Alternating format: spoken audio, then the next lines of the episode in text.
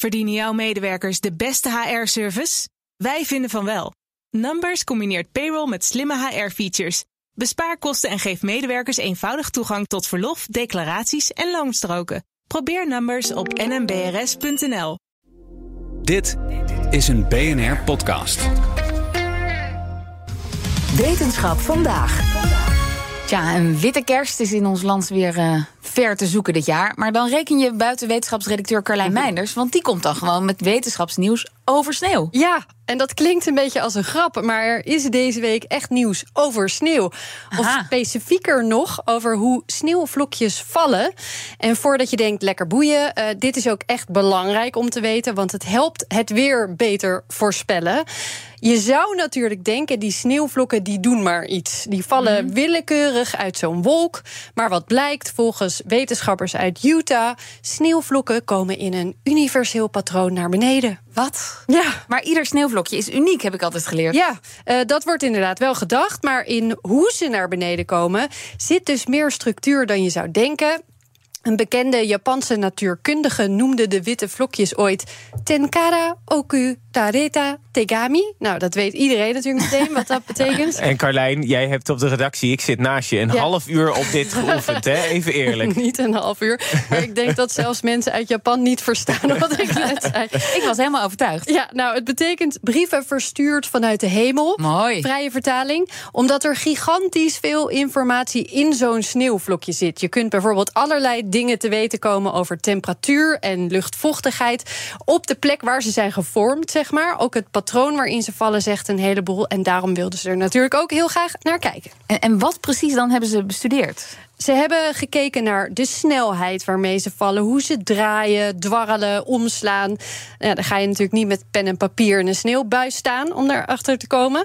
Uh, daarvoor hebben ze high-tech apparatuur nodig. En dan nog is het lastig, want een sneeuwvlok heeft een hele lage massa. Enig idee? In een uh, skihal.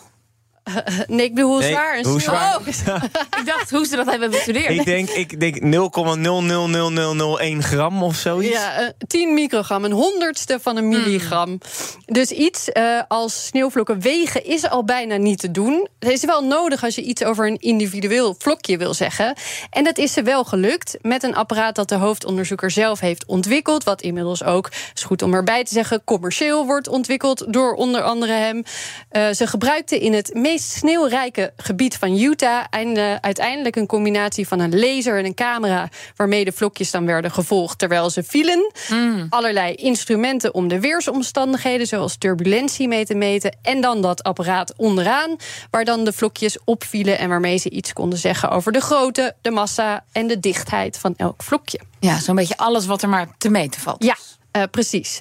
Nooit eerder op deze manier gedaan. En wat ze toen zagen, hadden ze echt niet verwacht.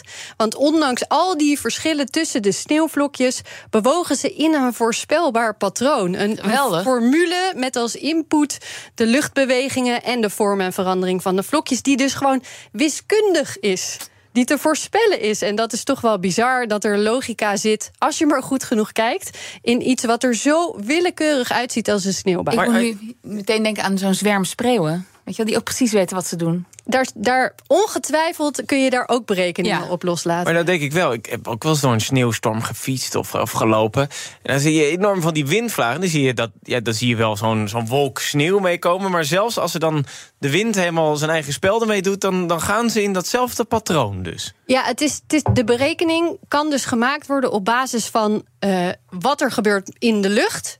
Dus dat kan verschillen. En uh, hoe een sneeuwvlokje daarop reageert, als, afhankelijk van hoe groot en zwaar die bijvoorbeeld mm. is. Ja. Dus daar kun je gewoon een formule van maken. Dus dan kan het, de wind kan wel veranderen, maar dan kun je het nog steeds berekenen. Ja. En en dit, hè, dus dat er een soort logica in zit in, en een patroon in de manier waarop die sneeuwvlakjes naar beneden komen, dat is ook waarom dit gaat helpen bij het voorspellen van het weer dan, denk ik. Ja, patronen in plaats van chaos doen het, dat doet het altijd lekker in modellen. Ja, inderdaad. wiskundige van, ja. ja. En niet alleen in sneeuwgebied, als je dat misschien zou denken, want de meeste neerslag begint als sneeuw. Overal, ook in de tropen. Op welke manier en hoe snel sneeuw valt, zegt dus ook iets over hoeveel neerslag uiteindelijk de grond bereikt. Mm over het weer, over het klimaat, maar ook iets over hoe lang wolken het volhouden. Dat zegt weer iets over hoeveel straling en warmte er gereflecteerd wordt. En zelfs in het geval van een orkaan is het belangrijk om iets over sneeuw te kunnen zeggen.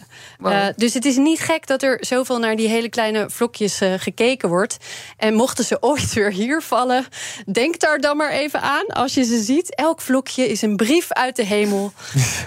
Vol enorm belangrijke informatie. Oh, en dan zijn ze ook nog zo mooi, die sneeuwvlokjes. Ook nog, als je erop inzoomt, prachtig. Dankjewel, Carlijn Meinders. Verdienen jouw medewerkers de beste HR-service? Wij vinden van wel. Numbers combineert payroll met slimme HR-features. Bespaar kosten en geef medewerkers eenvoudig toegang tot verlof, declaraties en loonstroken. Probeer Numbers op nmbrs.nl.